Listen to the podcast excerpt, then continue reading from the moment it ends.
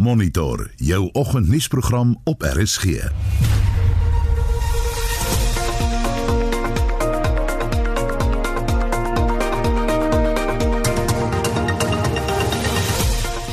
vanoggend se program Agri SA vra dat die staatslede die rol van die kommersiële sektor baie duidelik uitspel. Ons praat net na 07:30 met Christo van der Rede.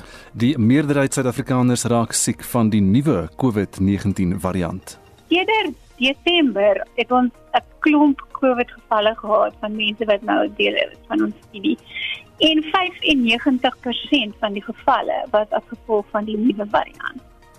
Demokrasie verkeer wêreldwyd onder druk en ons praat om 10 oor 7 met politieke ontleeders. 'n Opname in 31 lande bevind dat mense glo 2021 gaan in alle opsigte 'n beter jaar wees as 2020. Goeiemôre, welkom hier by Monitor. Ek is Gustaf Greiling. En ek is Hendrik Weingart, baie welkom. Dis 12 minute oor 6. Dankie dat jy saamluister na Monitor hier op RSG. En ons kyk vinnig na 'n oorsig van die koerant voorblaaie. Die meeste Afrikaanse koerante het vandag dieselfde storie: vakbonde vies oor korter vakansies, skoolkalender maak nie sin. Die departement van basiese onderwys se konsultasies oor die skoolkalender was slegs 'n lippediens omdat byna geen van die onderwysgemeenskap se besware in ag geneem is nie.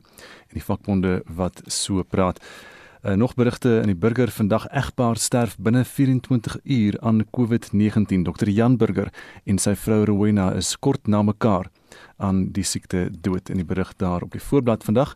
Pikkewyne, dalk by dosyne met nuwe broeikaste. Daar's meer as 50 broeikaste in die Pikkewyn kolonie daar in die Tafelberg Nasionale Park uh, vervang om die Pikkewynbevolking se getalle so effens van 'n hupstoot te gee. 'n Mooi foto op die burger vandag, dis parstyd in die Boland, die druiwe wat daar gepars word, is in volle gang in die wynland en boere verwag dat verjaar se oesjaar wyn van uitstaande gehalte gaan lewer. Beeld se voorblad vandag het ook die storie van die onderwysvakbonde Maar dan die foto van die Volvaldam, dit is iets om oor te juig. In die noorde van die land kan grootliks normale donderbuie vir die res van die week verwag. So enkele boot daar uh, op die watermassa tussen Gauteng en die Vrystaat. Ook 'n berig taksivrou speel Facebook speurder om ID eienaar te vind. Uh, sy pa is oorlede. Ek het gedink hy sou dit wou terug hê.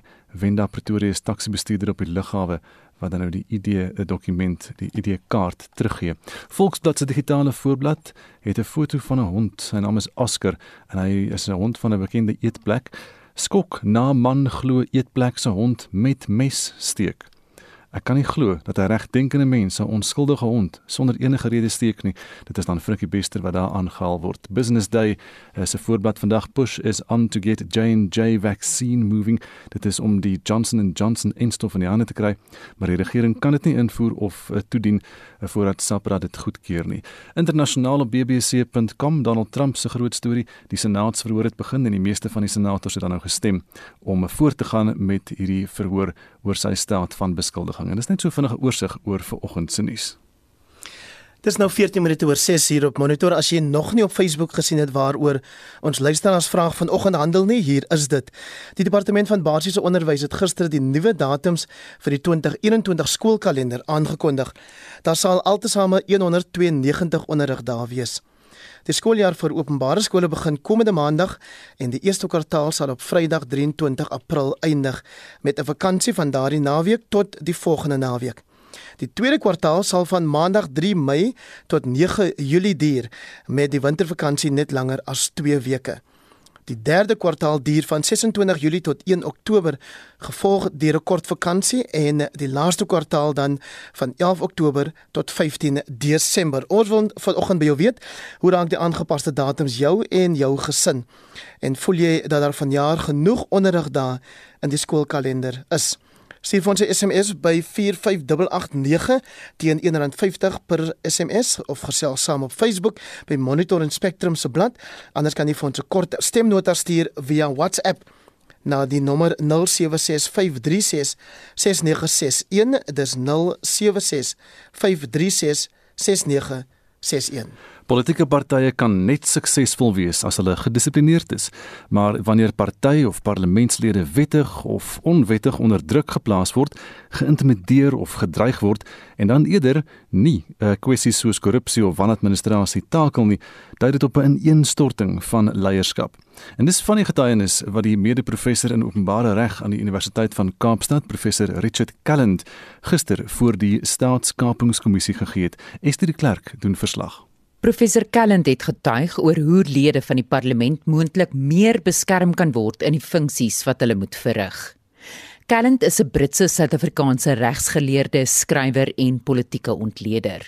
Hy het tot in 1994 as advokaat in Londen gepraktiseer voordat hy na Suid-Afrika verhuis het om voor die 94 verkiesing as adviseur vir die ANC in die Wes-Kaap te werk. Hy is die outeur van verskeie politieke boeke oor Suid-Afrika, onder meer The Zuma Years: South Africa's Changing Face of Power.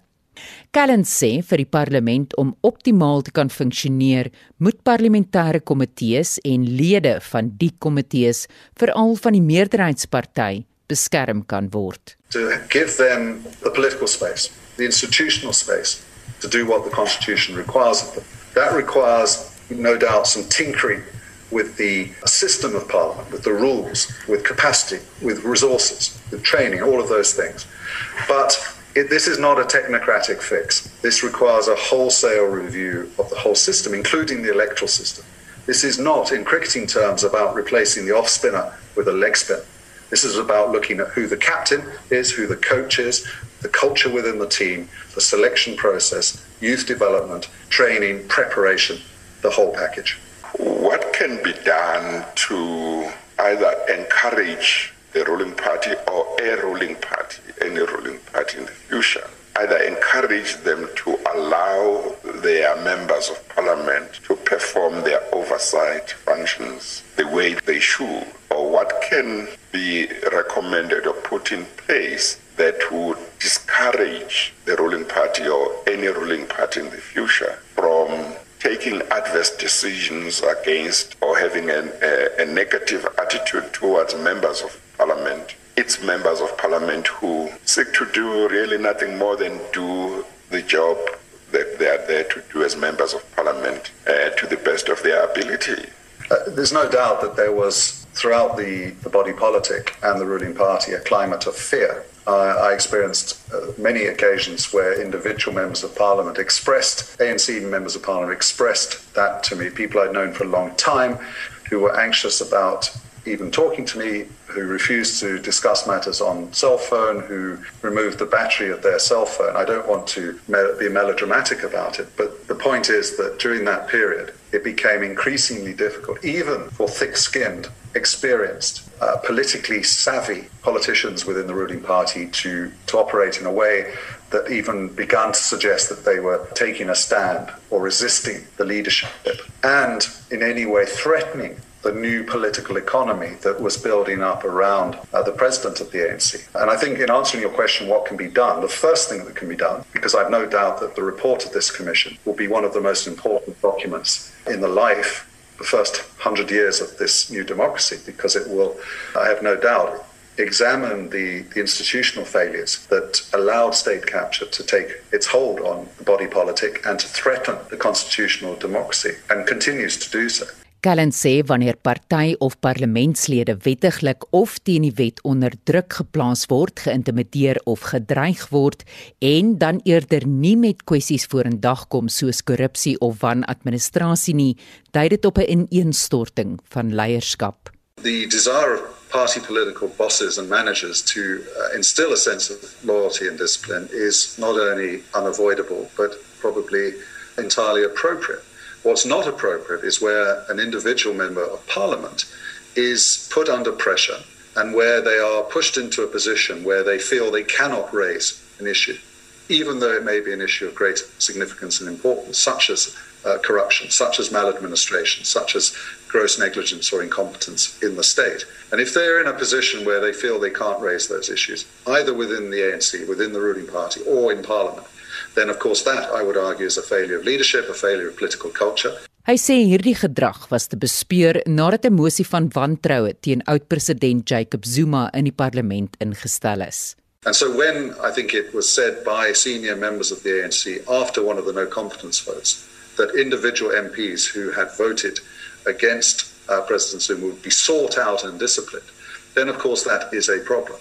Where you have a maverick MP who decides to dishonor the uh, political manifesto policy manifesto and ambitions of a, of a ruling party. If he or she then steps out of line, they must accept the consequences. But that's an entirely different proposition, an entirely different situation. Dit was die mede-professor in openbare reg aan die Universiteit van Kaapstad, professor Richard Calland, wat gister voor die Staatskapingskommissie getuig het. Ek is Estie de Klerk vir SAK nuus. 26 oor 6 by Monitor in die stad Tshwane is reeds vir byna 'n jaar besig met sy program om inwoners in COVID-19 brandpuntgebiede te toets en te evalueer om die verspreiding van die virus in die hoofstad te keer.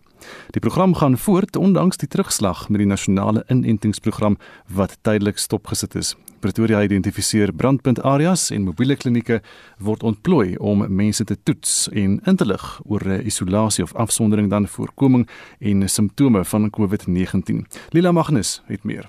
Melanie Langeveld, adjunkdirekteur verantwoordelik vir die Metro se klinieke, sê die deurlopende toetsing het gekeer dat COVID-19 versprei in gemeenskappe wat te ver van hospitale is of nie kan bekostig om na private hospitale te gaan nie. Ek glo tog dat ons uh, programme werk. So tydens die hoogste piek nou met die tweede golf het ons 'n geweldige aanvraag vir toetse gehad. Sommige dae het die eenheid meer as 200 toetse op 'n dag gedoen. En dan op die hoogste tydperk van die tweede piek het ons tot sover as tussen 20 en 30% van die mense wat getoets het, is positief getoets. En ek sou graag dink dat as ons nie die uitreike gedoen het nie, sommige van daai gemeenskapslede nie sou 'n toets ondergaan het om te weet hulle moet isoleer. Die adjunkdirekteur verantwoordelik vir aansteeklike siektes in die stad van Tshwane, Lavi Pule sê hulle word goed ontvang deur die gemeenskappe, maar dat al hoe meer mense begin vra vra oor die vaksines. We do speak about the vaccinations, but we get mixed feelings. At the moment, we focusing on getting the healthcare workers to be vaccinated. In the community, yes, we have those who says, why don't you give us first? Why don't you give us first? And others will say, no, no, I don't want it. Maybe I've had the disease. So we've got any mixed uh, messages that we get from the community. But as healthcare workers, we continue through our clinics and through our health promotion program. We continue to educate our community about the importance of the vaccine. Hy sê hulle word weekliks ingelig van die hoeveelheid positiewe gevalle in elke streek in die metro en bepaal so die brandpunte wat besoek moet word. Die span besoek vandag die Akasia saal in Wonderpark, môre Ekangala uitbreiding D en Vrydag Atteridgeville. Ek is Lila Magnus vir SAK nuus in Pretoria.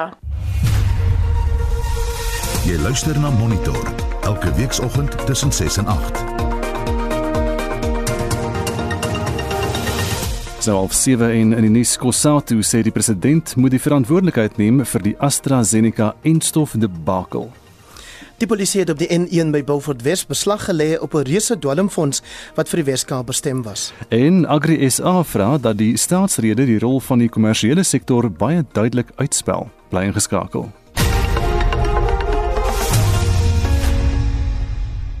Die 2021 skoolkalender is bekend gemaak en ons wil vanoggend by jou weet hoe dit jou en jou gesin raak en wat jou kommentaar daarop is. Hou vir ons die SMS lyn en ook Facebook dop.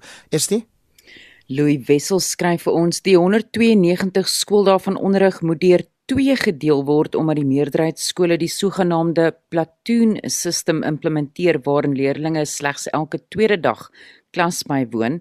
Dis slegs is dit 86 dae van kontakonderrig, so sê Louis Wessels. En Sinfia Redelinghuis skryf vir ons van ons onderwysers is alreeds 3 weke terug by die skool, ander 2 weke.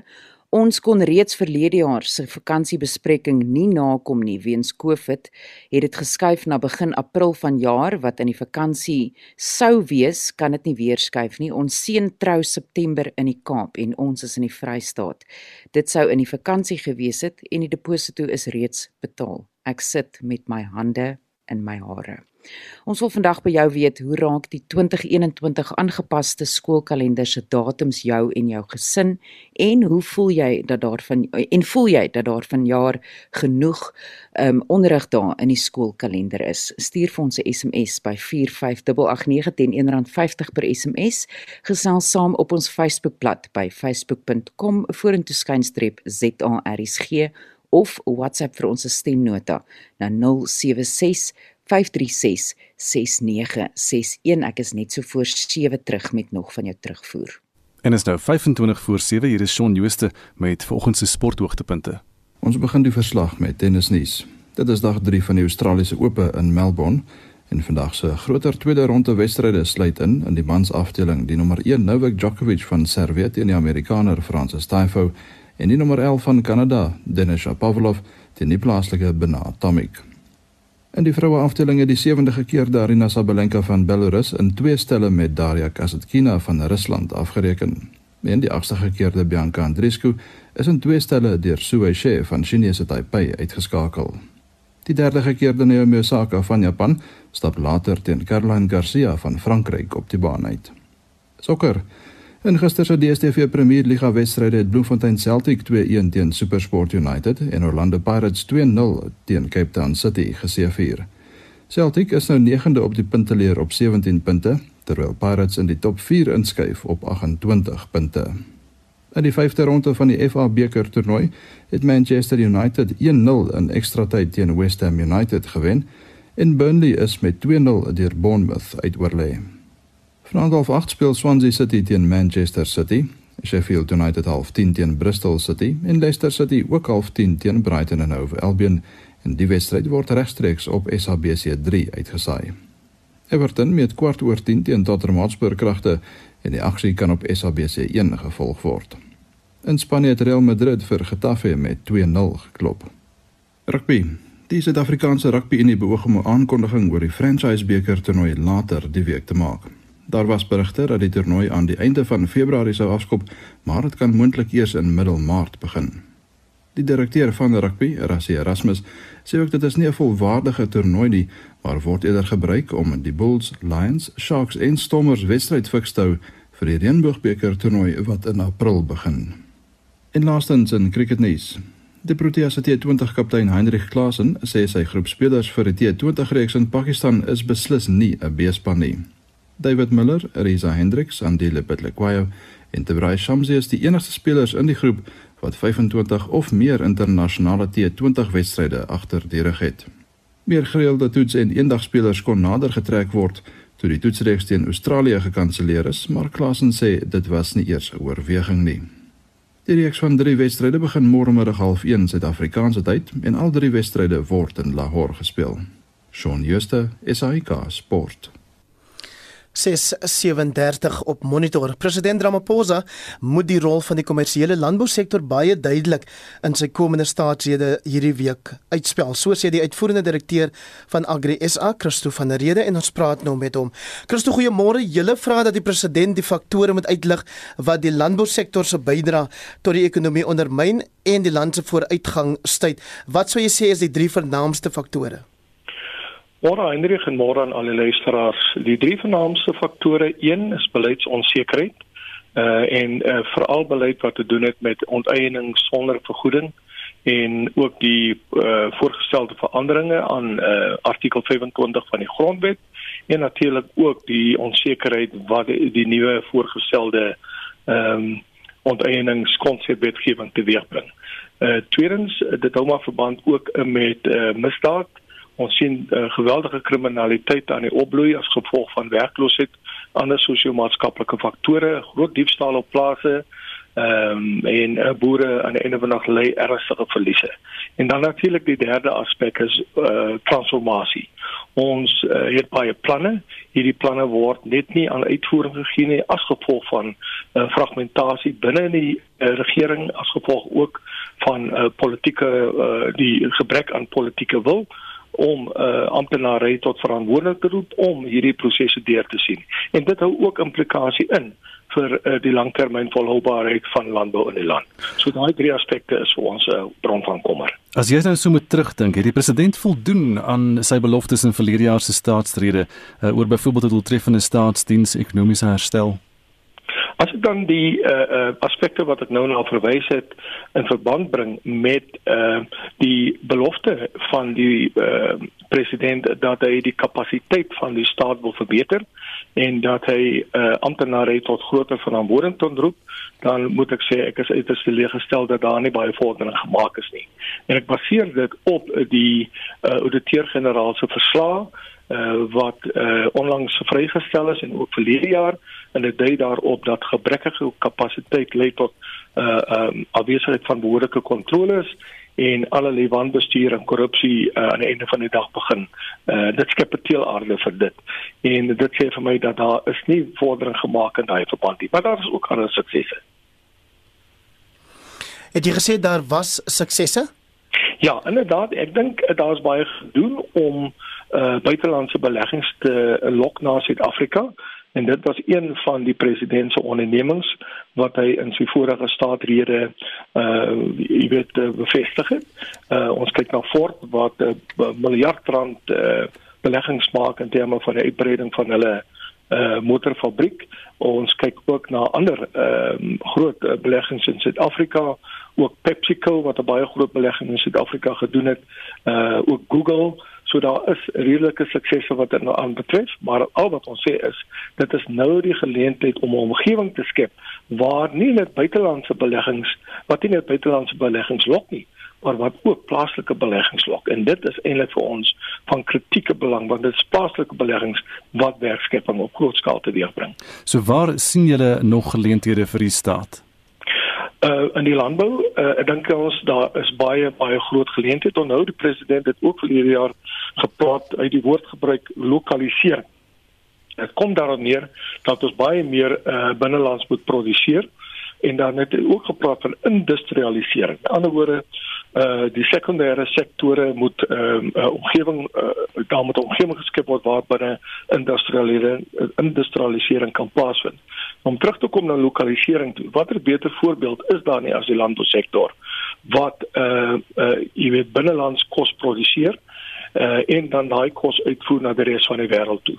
En beleggings is nodig om uh, die seker te maak dat ons infrastruktuur ehm uh, uh, geoptimaliseer word, dat ons hawens gereed is om goed uit te voer en in te voer, dat ons spoorweë gerad is om 'n uh, vrag op groot skaal te kan neem na hawens toe en na ander plekke toe.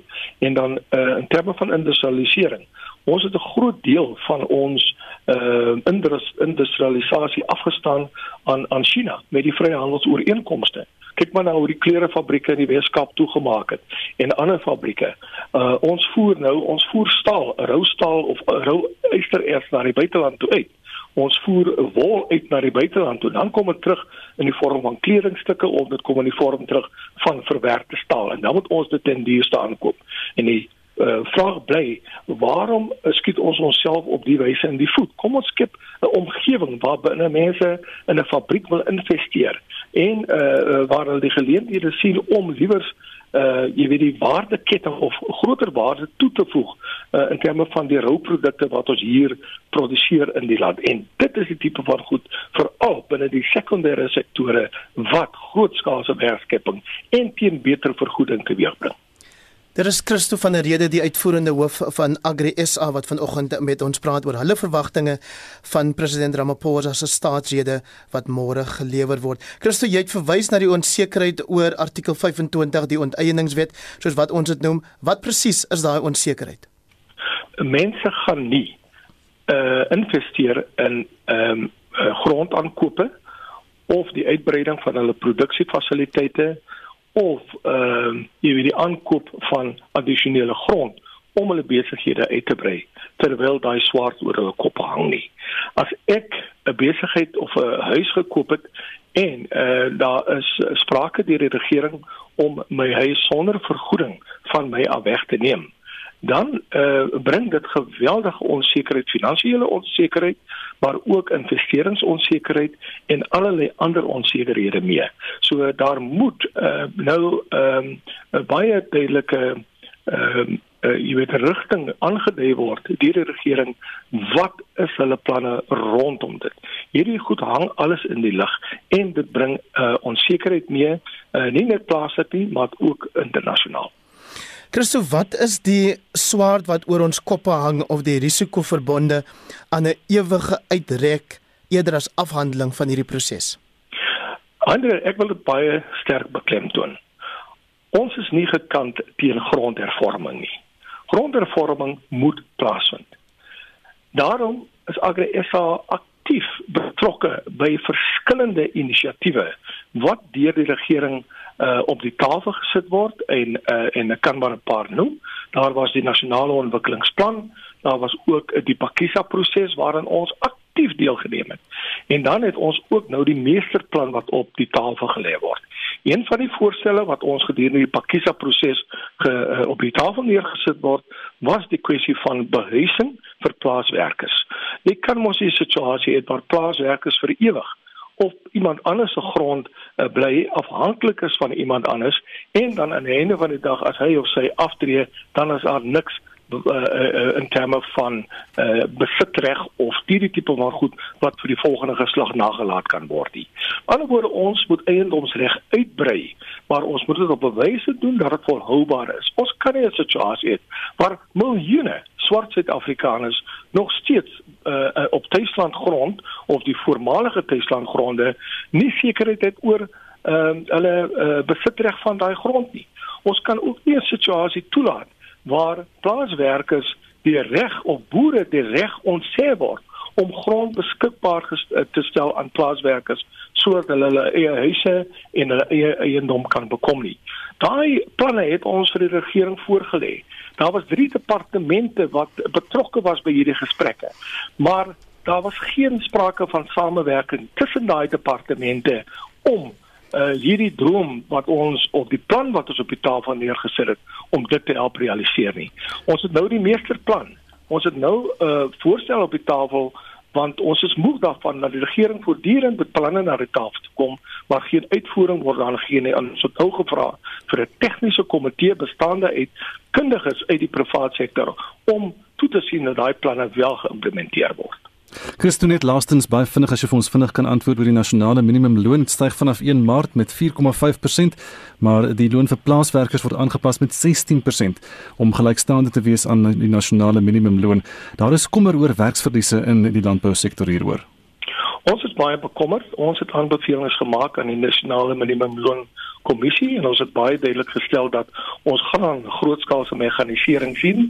Ons gaan ook ehm uh, sien dat uh, boere nie uh jy weet die aantal werkers wat hulle op hierdie stadium kan bekostig vorentoe sal kan bekostig nie.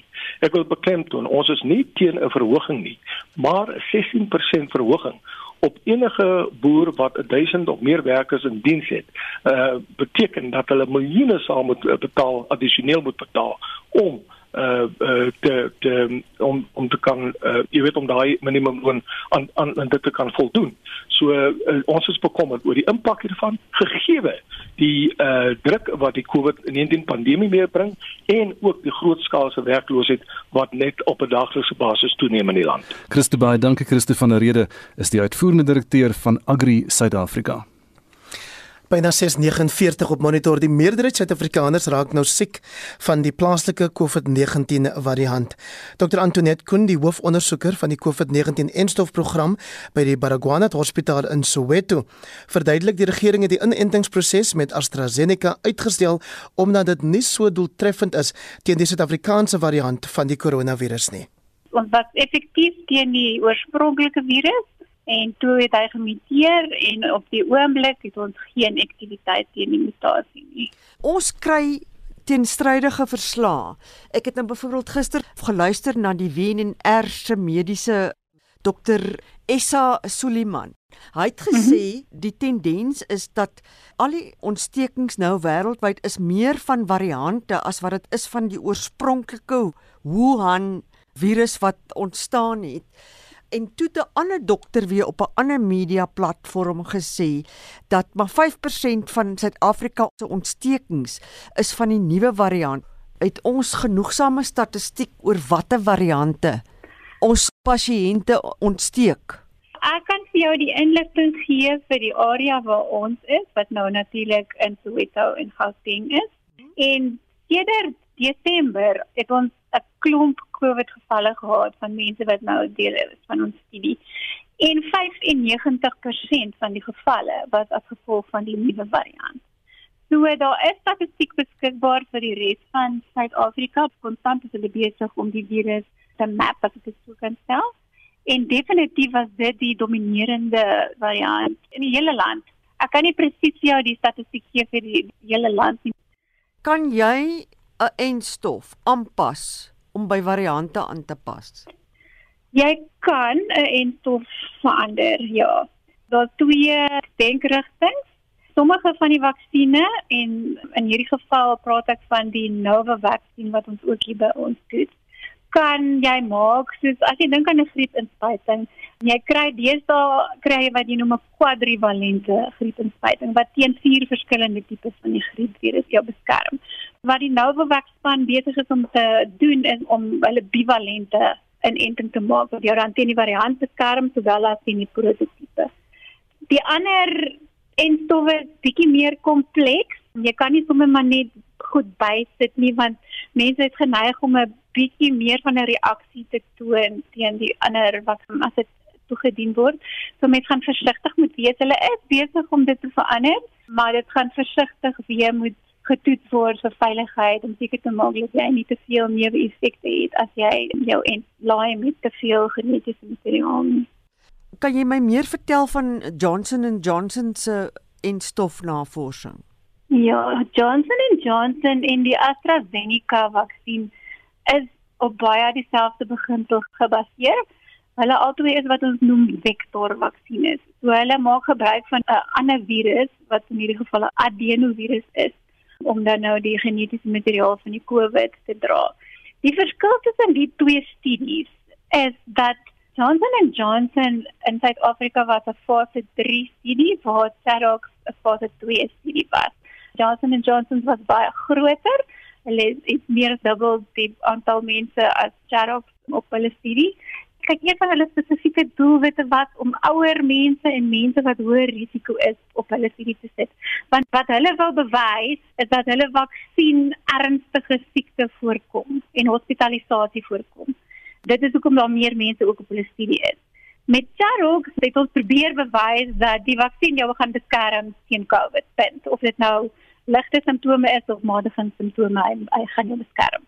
So die populasie wat ons op Cerox het is jonger mense, die gemiddelde ouderdom is maar 31, baie min komorbide faktore.